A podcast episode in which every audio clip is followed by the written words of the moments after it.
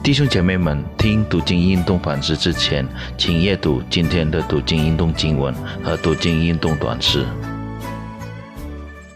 亲爱的弟兄姐妹们，主日平安！感谢神，主日的时候我们还能够有一点的时间来一同思想他的话语，让我们一起祷告好吗？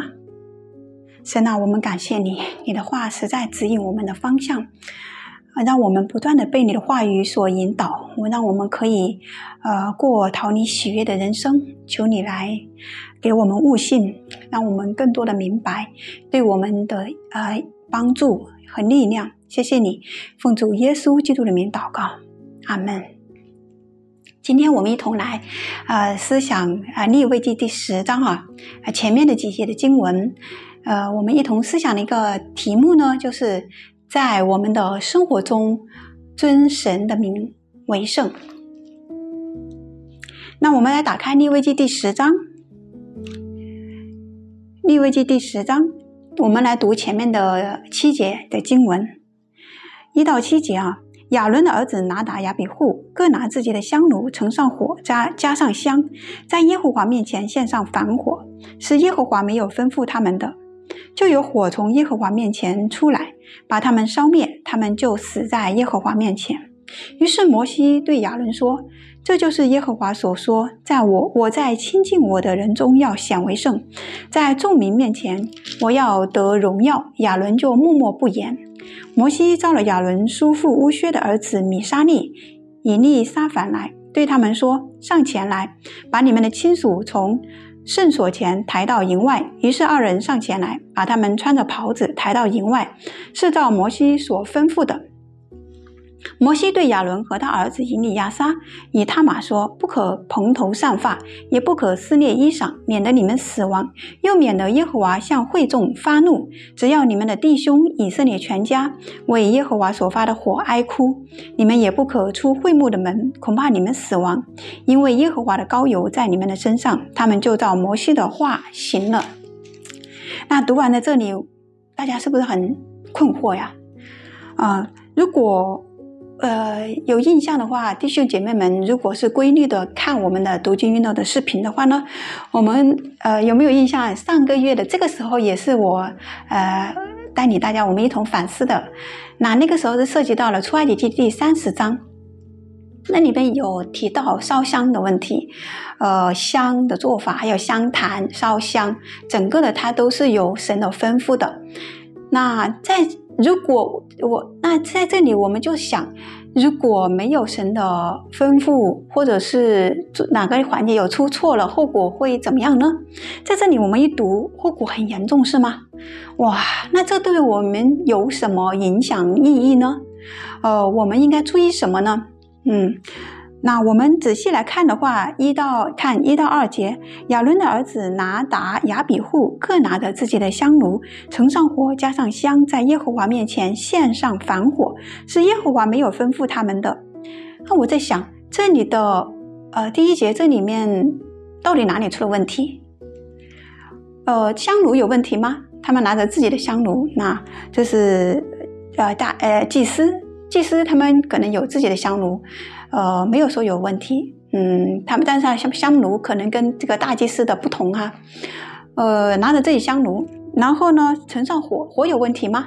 是盛的地方，呃，盛的这个内容，嗯，有问题吗？这里也没有没有明说，加上了香，这个香是自己做的吗？呃，从哪里来的香呢？呃，这里好像都没有讲，那我们不能够推断。是香炉有问题，火有问题，还是香有问题？到底是哪里出问题？但是后面说，呃，在耶和华面前献上凡火，那就看到了凡火是什么？凡火就是跟圣洁的火，呃这个当然是相对的，对吧？那凡火是到底是这个火是不是火有问题？火从哪里成的？一般来说，他们成火的话要从祭坛成火，是不是成的地方错了呢？这里。怎么马上就变成了防火呢？前面也没有说成火有问题啊。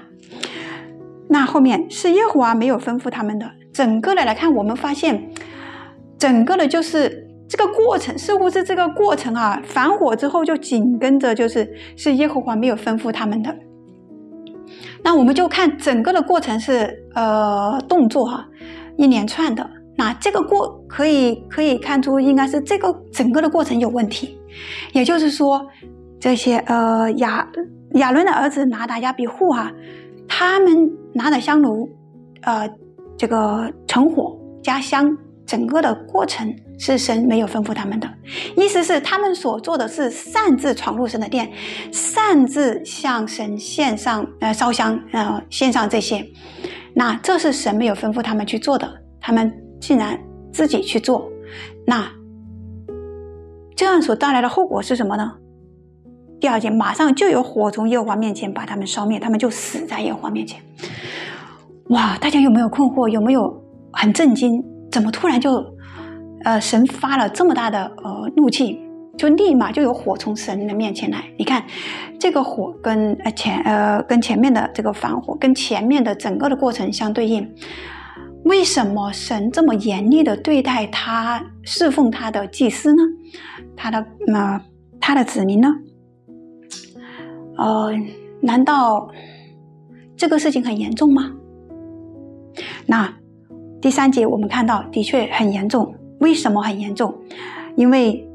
呃，这是呃，神借着这个摩西说的，对亚伦说的说：“我在亲近我的人中要显为圣，在众民面前我要得荣耀。”在这里，我们看到了两个很重要的词，一个是圣圣洁，另外一个就是荣耀。我们看到圣洁跟荣耀联系在一起，我们想到什么？我们大家有没有想到以先知以赛亚的画面？圣哉，圣哉，圣哉！然后神的荣光显现，我们。我们看到圣洁跟神的荣耀紧密相连，服侍神的人、亲近神的人，如果没有造神的吩咐，呃去做，那么神的名就得不着荣耀。那如果当然，神的圣洁彰显了他的荣耀，荣耀是服侍神的人，还有神的百姓生活当中，也圣洁的生命也能够彰显神的荣耀。如果我们不在圣洁当中，如果我们按照自己的旨意去行，自己的想法去做，那么我们就缺失、亏缺了神的荣耀。这就是，这就是为什么我们要在生活当中尊上帝的名为圣，是过圣洁的生活，过过荣耀神的生活。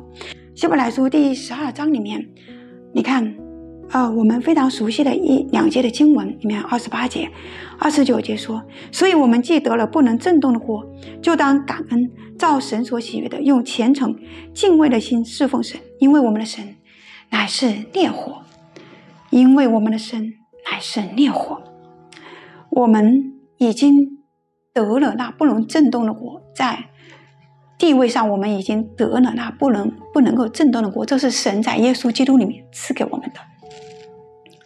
我们有了永生的生命，我们将与神永远在一起。我们应该存着感恩的心来侍奉神，是造神所喜悦的，是圣洁的，是虔虔诚的。